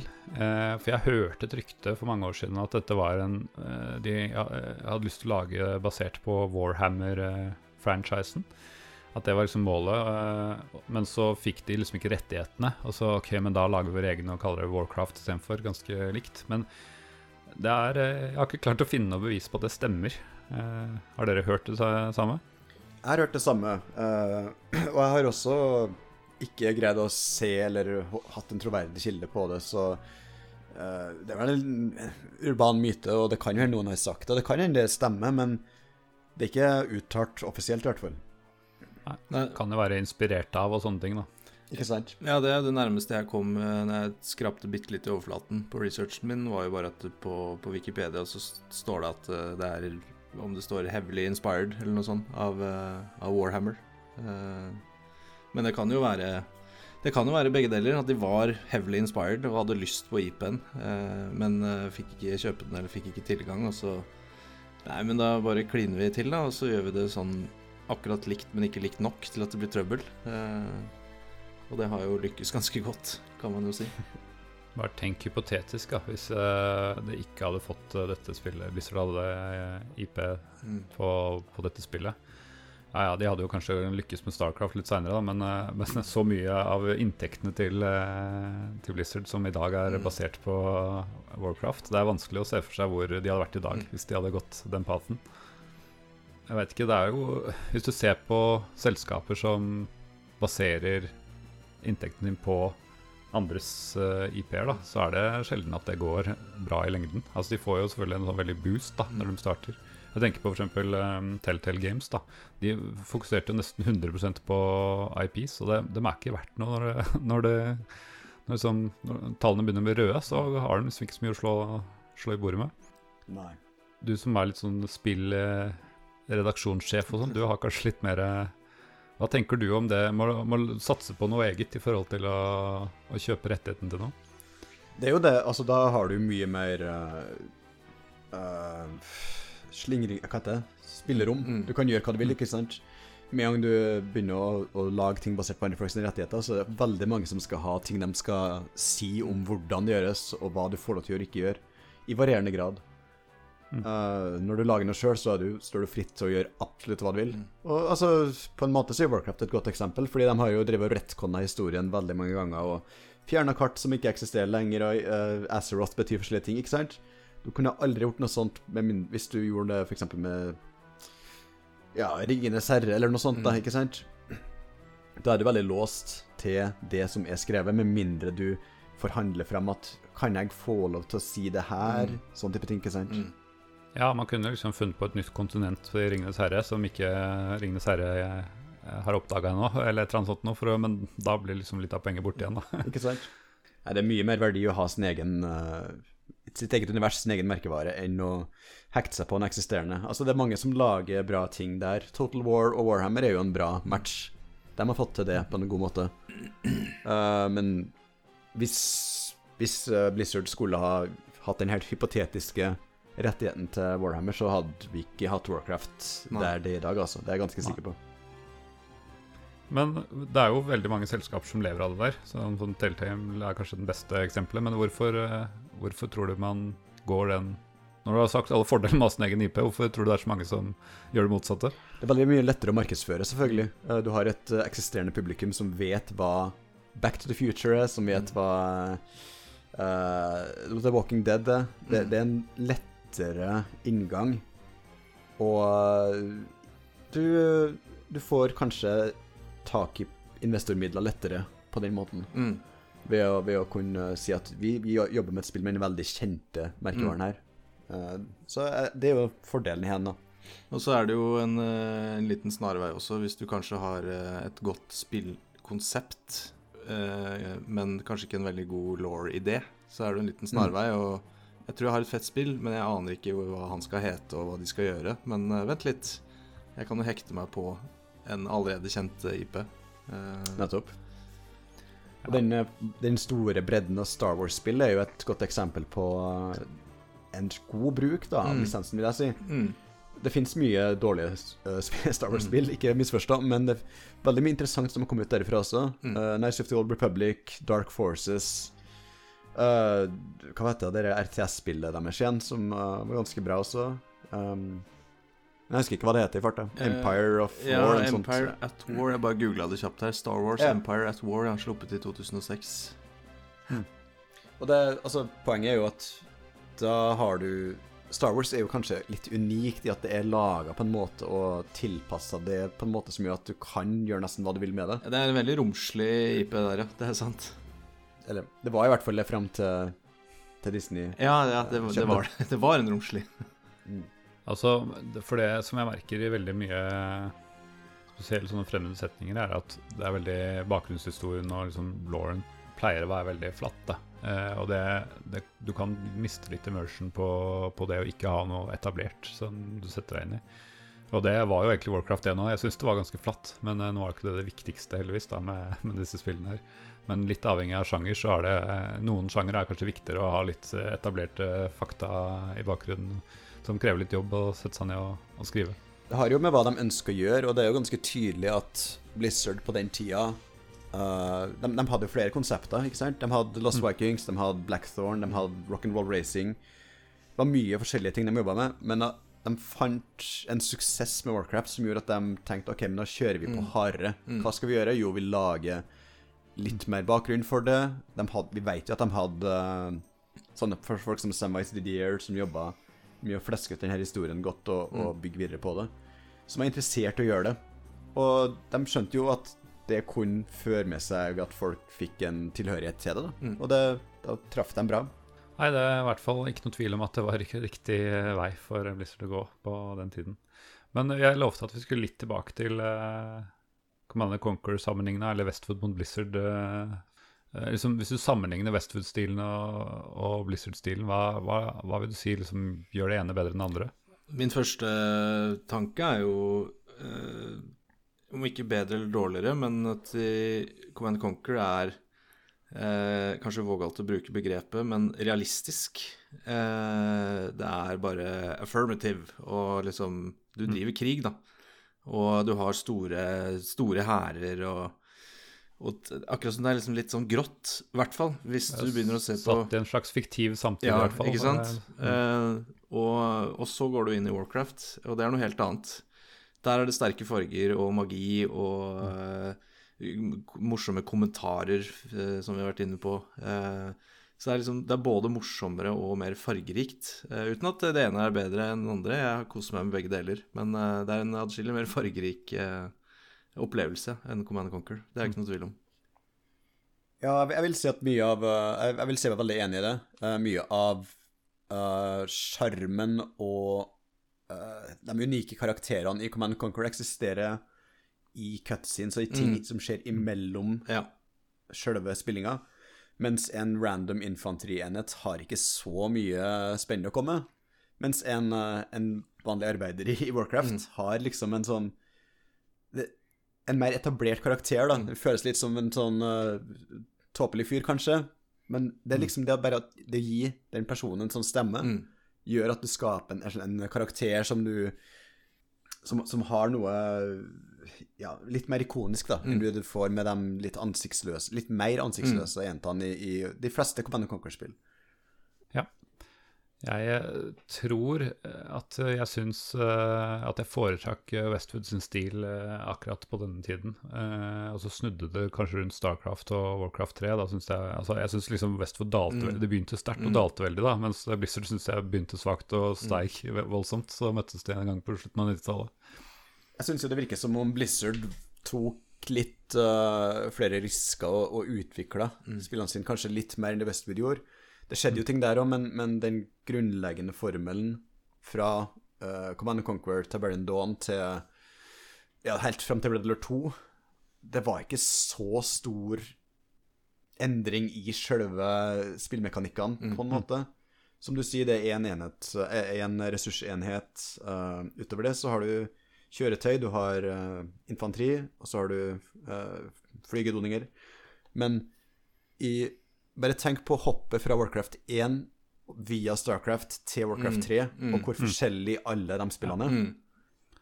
Det er mye større forskjell der enn det er i de Command Conquer-spillene fram til Red Alert 2.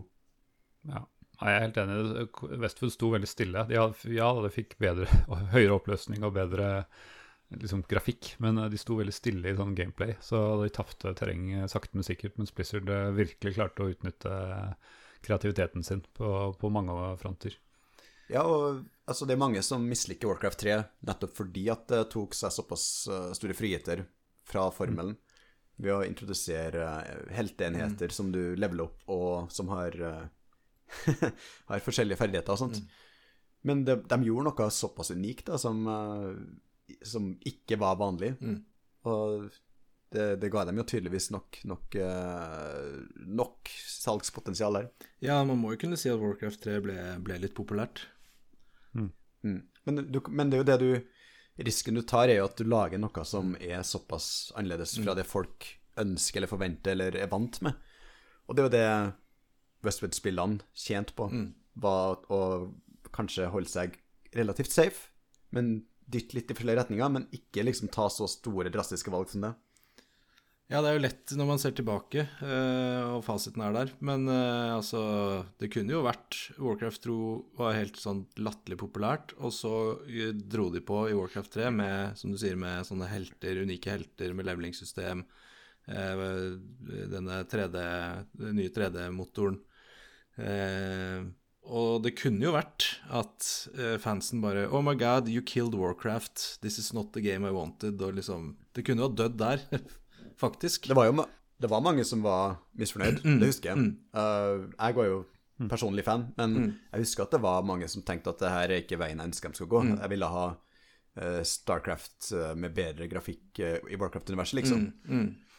Men eh, jeg, jeg syns jo det var gøy å ha Å gjøre det de gjorde med Warcraft 3, sjøl om man i ettertid kan si at det kanskje var veldig balans vanskelig å balansere fire forskjellige raser. Ja, det var det. Men eh, ja, altså, jeg er stor fan. Det, Warcraft 3 er nok det strategispillet jeg har spilt mest, tror jeg. Eh, det spilte jeg jo faktisk Ja, sikkert vi spilte jo bitte litt online og greier òg, så det. der prøvde vi oss litt og lærte meg sånn build orders og, og fikk det liksom inn i ta tastetrykkene, eh, finger, fingerspissene. Så det hjalp meg når jeg skulle spille eneren, toeren òg, at jeg kunne shortcuts, eller altså kunne bruke det, da, siden det var så håpløst å bruke en snitt mus. musa, så kan jeg i hvert fall være litt mer effektiv der. Ja, altså Det er en av tingene som skiller Westwood og, og Warcraft, er jo byggeenhetene. Westwood-spillene har jo bare Det er du som bygger. Du sier at det her skal gjøres, og så er det ikke en enhet som gjør det. Du plasserer bygningen, og så bygges den. Mens i Warcraft og Starcraft-spillene så har du jo en eller annen enhet som skal Eller flere, som skal bygge denne bygningen øh, med ressursene du har. Og det, det føler jeg er en merkbar forskjell i hvordan du tilnærmer deg det med bygginga. Det blir mer mikromanagement når du har enta som skal bygge, mens uh, når du bare plasserer det ned, så er det på en måte mer fokus på det å anmasse en hær enn det å bygge opp bygningen og, og fokusere på hvor den skal stå og litt sånn type ting. Det var faktisk først når, eh, nei, når eh, Westfood dukka under og de lanserte Generals, at de faktisk klarte å endre på formelen og gjøre, gjøre noe nytt. Så det er kanskje kontroversielt å si det, men jeg syns faktisk det var noe av det beste som kom ut fra den Command Conqueror-franchisen på mange, mange år da. Ja. Ja, ja. Jeg, jeg kom plutselig på mens vi snakka her, at uh, det er ett form for law vi ikke hadde Eller det er jo bøker og tegneserier og alt mulig rart, men det er, det er én historie om eh, Warcraft 1 vi ikke har vært innom ennå, og det er jo filmen Warcraft. ja, har, dere, sett den? Nei, den så jeg, ja. jeg ikke Ja. Eller, jeg skal ikke, jeg skal ikke ta sorgen på forskudd, men jeg har ikke giddet å se den ennå. Det har jeg ikke.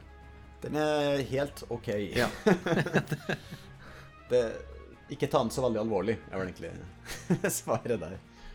Nei, og der har de også funnet seg opp sin ny eh, mytologi og en ny law, så den stemmer ikke verken med det som skjer i Warcraft 1 eller i World of Warcraft. Men eh, det er jo på en måte key players er på plass, da, så har de miksa litt, eh, putta det i en bag og rista litt og får det ut på, på noe som ligner. Ja. Men eh, jeg, jeg, den, det, som, det jeg husker av den filmen, var at det var veldig kul sånn estetisk eh, Mye kule kostymer og mye liksom, det, var, det var en del ting som var stilige med den. da. Eh, filmen som sådan var kanskje ikke verdens beste, men det var liksom produksjonsverdien på den var, eh, var ikke til å klage på. Nei, nei. Og laga av eh, Duncan Jones, som eh, står bak eh, Moon, som en kjempebra film. Det er en veldig bra film. Men er det kanskje en eh, film eh, jeg skal fiske fram eh, på en fyllesyk søndag, hvor jeg syns synd på meg selv og alle lys er litt for sterke? Så kan jeg kose meg med den på sofaen. Det vil jeg påstå er den beste måten å sende på. Ja. I stedet Ja. for å, i stedet for å inn, inn, innkalle til en skikkelig Ja. film. Nå skal vi kose oss med den beste filmen. Ja. Husk å ta med notatsaker, liksom. Ja, jeg skjønner. Støttes. Vi tar en kjapp titt på hva vi har fått inn på Facebook og Twitter. Jeg kan jo begynne, Vi kan jo ta litt sånn annenhver gang her. Eh, Jeg begynner på Facebook her. Er det en som heter eh, eh, Ivar Goldenboy Lob Lobben? Jeg vet ikke om jeg har hatt han før. Nei, han er, tror jeg er ny. Ja, Hadde mange timer med disse spillene i barndommen. Digga de. Det var jo kort og greit, og det er vi jo enig i. Definitivt. Eh, Jeg hopper litt, ja, fordi eh, jeg må lese opp kommentaren her fra Magnus Rønningsbakk Langstrand, som er broren til en god venn av meg. Eh, og jeg møtte han her eh, for en par uker siden. Jeg var på besøk hos kompisen min. Eh, og så skulle kompisen min hoppe i dusjen, og så satt jeg plutselig med en kaffekopp med broren og tenkte oi, dette blir kleint. Men det blei det ikke, for Magnus eh, Langstrand han er som sin bror. Han er en superhyggelig fyr, og ikke bare det. Han er eh, noen år eldre enn oss og har mange sterke, gode minner fra beige datamaskiner, Nintendo-konsoller og DOS-prompts. Så vi kom i prat eh, om det, eh, og han er nå en, eh, en ny fan. Så det er veldig veldig koselig og gøy å se at han dukker opp i kommentarfeltet. Ehm, så Magnus eh, Langstrand sier to fantastiske spill som jeg har veldig mange gode minner fra. Gleder meg til episoden og skulle gjerne ha knust Sigve med den uangripelige Seven Grunt Rush-taktikken. så det, det, det tør jeg ikke, fordi jeg, jeg spiller for å. Jeg skal bygge base, jeg. Jeg skal ikke slåss. Eh, og det skal sies at eh, det var faktisk etter samtalen med Langstrand at eh, jeg ble minnet på, for han sa har dere snakket om Warcraft? Og så sa jeg eh, det har vi ikke ennå, eh, men det er på lista. Så da tenkte jeg nå må vi snakke om Warcraft. Så eh, hyggelig å se deg inne i kommentarfeltet, Magnus. Videre har vi Trond Sinfor Borgersen, som sier ehm, Spilte dette masse på PC hos bestekompisen min. Høres ut som noe vi driver med. Høres li- lignende ut, ja. Vi drev også og eh, tøysringte til folk og brukte stemmene til de forskjellige karakterene. Den er fin. Den er veldig fin. Ja. Spilte på PlayStation 1. What? Et, sp et spill som kanskje er noe vanskelig med kontroller, men utrolig nok funka det fint.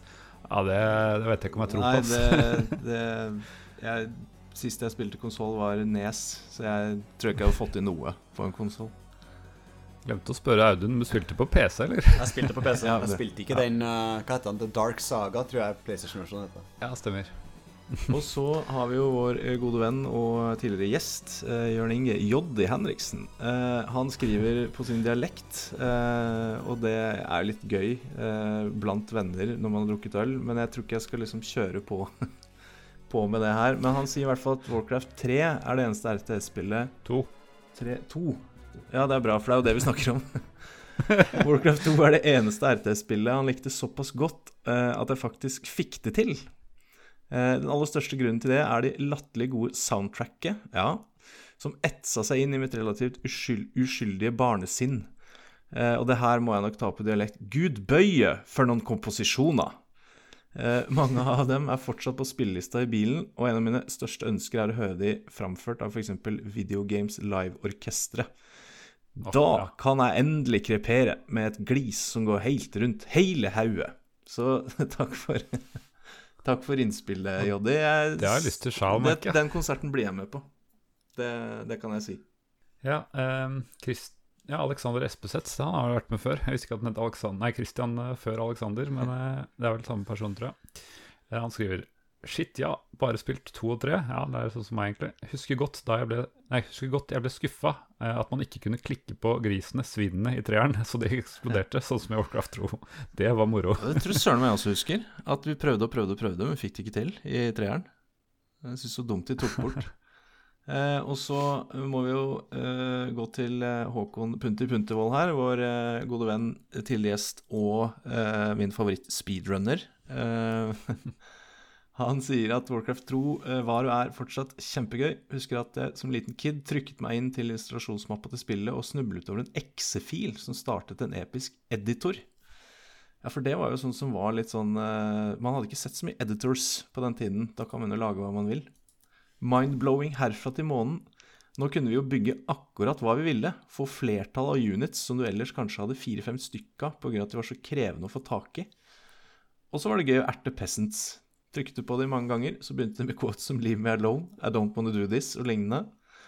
Og til slutt må jeg si at jeg, har en, jeg er en megastolt eier av dette magiske soundtracket på vinyl. Ja, det er jeg litt misunnelig på, Punti, Ja. at du har det. Jeg vet dere sverger, mest, eh, sverger mest til DOS i denne podkasten, men gir lytterne en smakebit av CD-soundtracket. Glenn Stafford skulle hatt en medalje for hva han har laget her. Human Theme 3 er gull. Helt enig, Punter, for det soundtracket er helt bananas. Da får jeg putte det i bakgrunnen akkurat eh, nå. uh, ja, CD jeg lurer på om det kom på CD seinere, for ellers er det Midi, den versjonen jeg spilte, husker jeg. Uh, det er mulig at det kom med en re-release eller noe. Ja, det gjorde det. Uh, Battle.net Edition var CD. Ja. Og det Ja. kom vel også en CD-versjon av det første spillet, ja. Mm. Det tror jeg det gjorde. Det er fortjent, for det, det har vi jo nevnt et par ganger nå, men den musikken er helt rå. Ja. Eh, vi svinger innom Twitter. Der sier Martin Gjesdal eh, masse gode minner. Dette var hakket mer modent enn Dune 2. Og veldig gøy å skubbe båten til de kastet opp om bord. Det, det husker ikke jeg, men det kan du altså, da. Skyve på, på båtene til de spyr. Det visste ikke jeg heller. Nei, den, det må Det er vel en sånn unit uh, annoyed sound, tenker jeg. Hvis du trykker nok ganger, så blir det oppkast. Ah, yes. Og her har vi også en av våre gode venner og tidligere gjester, Alex, Alexikon Gisvold, eh, som rett og slett bare melder 'work, work'. Enkelt og greit. Det var litt engasjement. men Jeg la det jo ut nå først for noen timer siden, men eh, det er klart dette er et spill mange kjenner til og har minner om. Jeg er ikke forundret. Skal vi Vi må jo avslutte med det legendariske spørsmålet om det har holdt seg. Og da, ja ja, vi kan jo nevne både eneren og toeren, da. Ehm, og kanskje minst like viktig, er det verdt å spille i dag? Jeg har lyst til å få Audun jeg, til å svare på det først.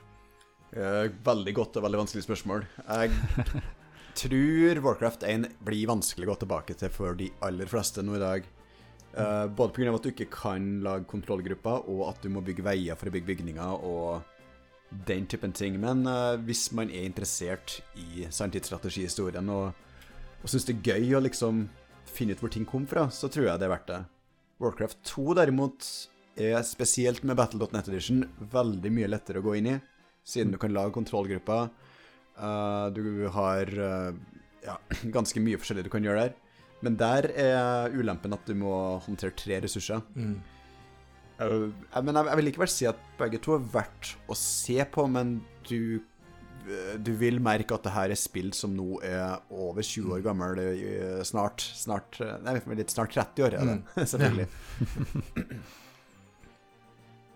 Ja.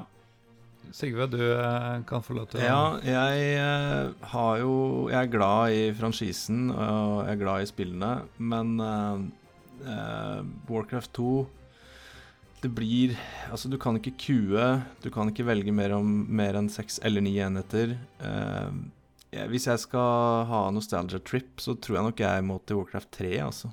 Uh, så det blir en litt tung nei. Det har ikke holdt seg for, fra meg der. Jeg må i hvert fall si det samme som Audun sa om eneren, at det er, eh, det, det er uspillbart, mer eller mindre. Det er, det er for vanskelig og for tungvint og for knotete eh, å spille. Jeg klarte jeg, Altså, jeg går eh, Alle spill vi dekker, går jeg inn med et Mm. åpent sinn og har lyst til å prøve å fordype meg i. Men uh, jeg innså raskt at her hopper jeg fort over til toeren, for det er litt mer tilgjengelig. Uh, og det var det. Eh, og det var det faktisk gøy å holde på med en stund. Um, men jeg merka egentlig også på toeren at det er veldig sånn slow gameplay. Eh, det tar tid. Eh, for du, skal oppgradere, og det tar tid å få enheter og bygge farms. Og, altså, det er veldig saktegående. Og det, ja, jeg sier kanskje noe om tida vi lever i, men jeg er ikke så tålmodig at jeg orker i, i dag jeg, å bruke fryktelig lang tid på bare å få meg en hær, sånn at jeg får gått til angrep. Eh, så det er liksom litt sånn Det er for mye venting, da. Selv om du setter gamespeed på maks, så men eh, ja, jeg vil vel si at det er såpass nostalgisk at kjenner du det til, ta gjerne og sjekk litt ut, og absolutt hør på musikken, for den er god. Men uh, det er litt vanskelig å gi den fullhjerta anbefaling. Men eh, ja, det blir sånn halvhjerta, sånn som, som vi gjør innimellom. Halvhjerta anbefaling fra meg. Um, ja, vi pleier å ha den generiske 'fins det noe tilsvarende i dag'? Og det, det finnes jo masse sanntidsstrategispill i dag. Jeg vet ikke om eh, Skal vi bare ta fram en favoritt? Har dere noen sanntidsstrategispill i dag som er litt moderne, som dere vil, vil anbefale? Å, det er et godt spørsmål. Uh, jeg har ikke fulgt sjangeren så nøye de siste årene. Uh, Starcraft 2 var liksom uh, spikeren i kista for min del, egentlig. Eh, nei, der tror jeg du har mye mer kontroll på, på, på landskapet enn jeg, Erik. Jeg har jo ehm, Det blir jo kanskje ikke finnes noe tilsvarende i dag, eh, men jeg har jo Jeg vet ikke hvor mange timer i Command Conquer Generals, eh, for det var jo eh, bare en fullending av min drøm om å drive med krig, som jeg fikk smake på i Command Conquer. Eh, men i dag eh, Altså, jeg kan kose meg med bare en sånn casual game, Starcraft 2. Eh, men er er det kommet noen RT-spill liksom på 20-tallet, for å si det sånn? Jeg vet ikke. Uh, en liten Jeg kan jo si jeg spilte Command Conquer 3. Uh, Command Conquer-serien har jo stupt. Men, men jeg, bare kom jeg over noen på internett som bare Dude, du må prøve Command Conquer 3. Det er liksom god, gammeldags stemning, det er tight gameplay. Uh, det, det er fett, liksom. Eh, det, det er sånn det skulle vært. Eh, så det er bare en litt sånn anbefaling da, eh, for de som liker Command Conquer-serien og gråt tårer over eh, når ting rakna fullstendig. Prøv Command Conquer 3. Det er faktisk ganske kult. Så det kan jeg Det var- si. Kan være en anbefaling. Det var jo I fjor kom jo Age of Empires 4. Stemmer. Det er, Det er jo litt i samme kategori, selv om vi har allerede etablert at det er litt på siden av Jeg har det, men jeg har ikke spilt det nok ennå til å liksom uh, ha blitt kjent med det. Men det er absolutt finnes noe tilsvarende i dag? Ja, det er sant. EOI4 kom jo for ikke så lenge siden. Jeg har spilt veldig lite uh, samtidsstrategispill uh, de siste åra. det ble liksom remasteren av både Command Conquer og for så vidt Warcraft 3 jeg var innom. Men eh, eh, hvis jeg skal si Jeg må nesten si det samme som Audun her. Altså Starcraft 2 er det siste eh, spillet jeg virkelig koste meg med. Og det, det er et godt spill. Både Og jeg liker jo kanskje mest uh, ikke det kompetitive, da, men jeg syns det er veldig bra sammensatt med, med campaign, og, og selvfølgelig et veldig bra balansert og, uh, spill. Så jeg må, jeg må anbefale det også. Som på ingen måte er et nytt spill lenger, men, uh, men jeg, ja, jeg velger å anbefale det. Jeg har jo en følelse av at sjangeren har blitt litt overkjørt av alle turbaserte strategispill egentlig de siste Mm. ja, ti årene, kanskje. Der har det jo vært mye kult, my mye spennende og mye eh, som har truffet godt, mellom XCOM-spillene, Winter the Breach og ja eh, Civilization, selvfølgelig, som er fremdeles helt koken. Men selve RTS på gamlemåten, type Warcraft 3 og, og Starcraft, den, eh, og Warcraft 2 den er litt uh, hva, hva hette det spillet? da? Det var ett spill som var mer sånn wave-basert. Sånn fem uh, there Will Be Billions? Nei. Jo, det er sånn zombie At du, byg, Ja, du bygger baser og tårn og forsvar, og så kommer det større og større bølger. Ja, Eh, fordi noen av oppdragene i f.eks. Starcraft er jo sånn at det, det kommer flere bølger og bølger, så må du bygge opp base og holde ut i 30 minutter. Mm. They are billions, det- ja. Ja. They are billions, heter det. Mm. Det er jo kanskje noe i litt i samme kategori, for der bygger du jo baser og litt Interfacen er ganske lik. da. ja, ressurskjeder og innhøsting og Det er sant. Nettopp. Nei, jeg er enig i det. Jeg har i hvert fall ikke fulgt med, men jeg, jeg har spilt noen middelmådige RTS-spill noen ganger. Blant annet så det var det et av de første jeg an, anmeldte for Gamer, husker jeg, som eh, var veldig sånn midt på tre. Så jeg tror det er veldig vanskelig å treffe det. Så det er, må nesten hete Blizzard hvis du skal få det til. Eh, Dessverre er det, er det nesten blitt sånn. Men nå har jo dem, de, de, noen av dem som har hoppa av Blizzard, de har jo starta nye småstudioer. Jeg vet at noen Ja. av dem jobber med RTS-spill. Så det kan hende det kommer fremover noe som er, ligner mer på det gamle. Utelukker ikke at det finnes noen perler der, det er bare at vi har eh, det har tydeligvis eh, gått oss hus forbi alle, alle. Yes. Ok, nå tenker jeg vi er på tide å runde av. Ehm, neste gang så har jeg lyst til at vi skal snakke om et uh, annet krigsspill, men i en helt annen uh, helt annet uh, format, nemlig North and South, eller Nord og Sør, som jeg kalte det. Spill fra uh, amerikanske borgerkrigen. Kjenner du til det, Audun? Nei. Da kan du få lytte neste gang, så får du vite mer om det. Ikke jeg heller, så jeg må gjøre med noe research fram til neste gang. Da er jeg veldig spent på hva Sigrid syns om det neste gang. Eh, men eh, først og fremst, tusen takk for at du kom tilbake igjen. En god gammel eh, traver av en gjest. Mm, eh, veldig hyggelig. Jo, selvfølgelig. Alltid hyggelig å være med. Godt å høre. Så, så sier vi bare ha det bra. Ha det bra. Ha det bra.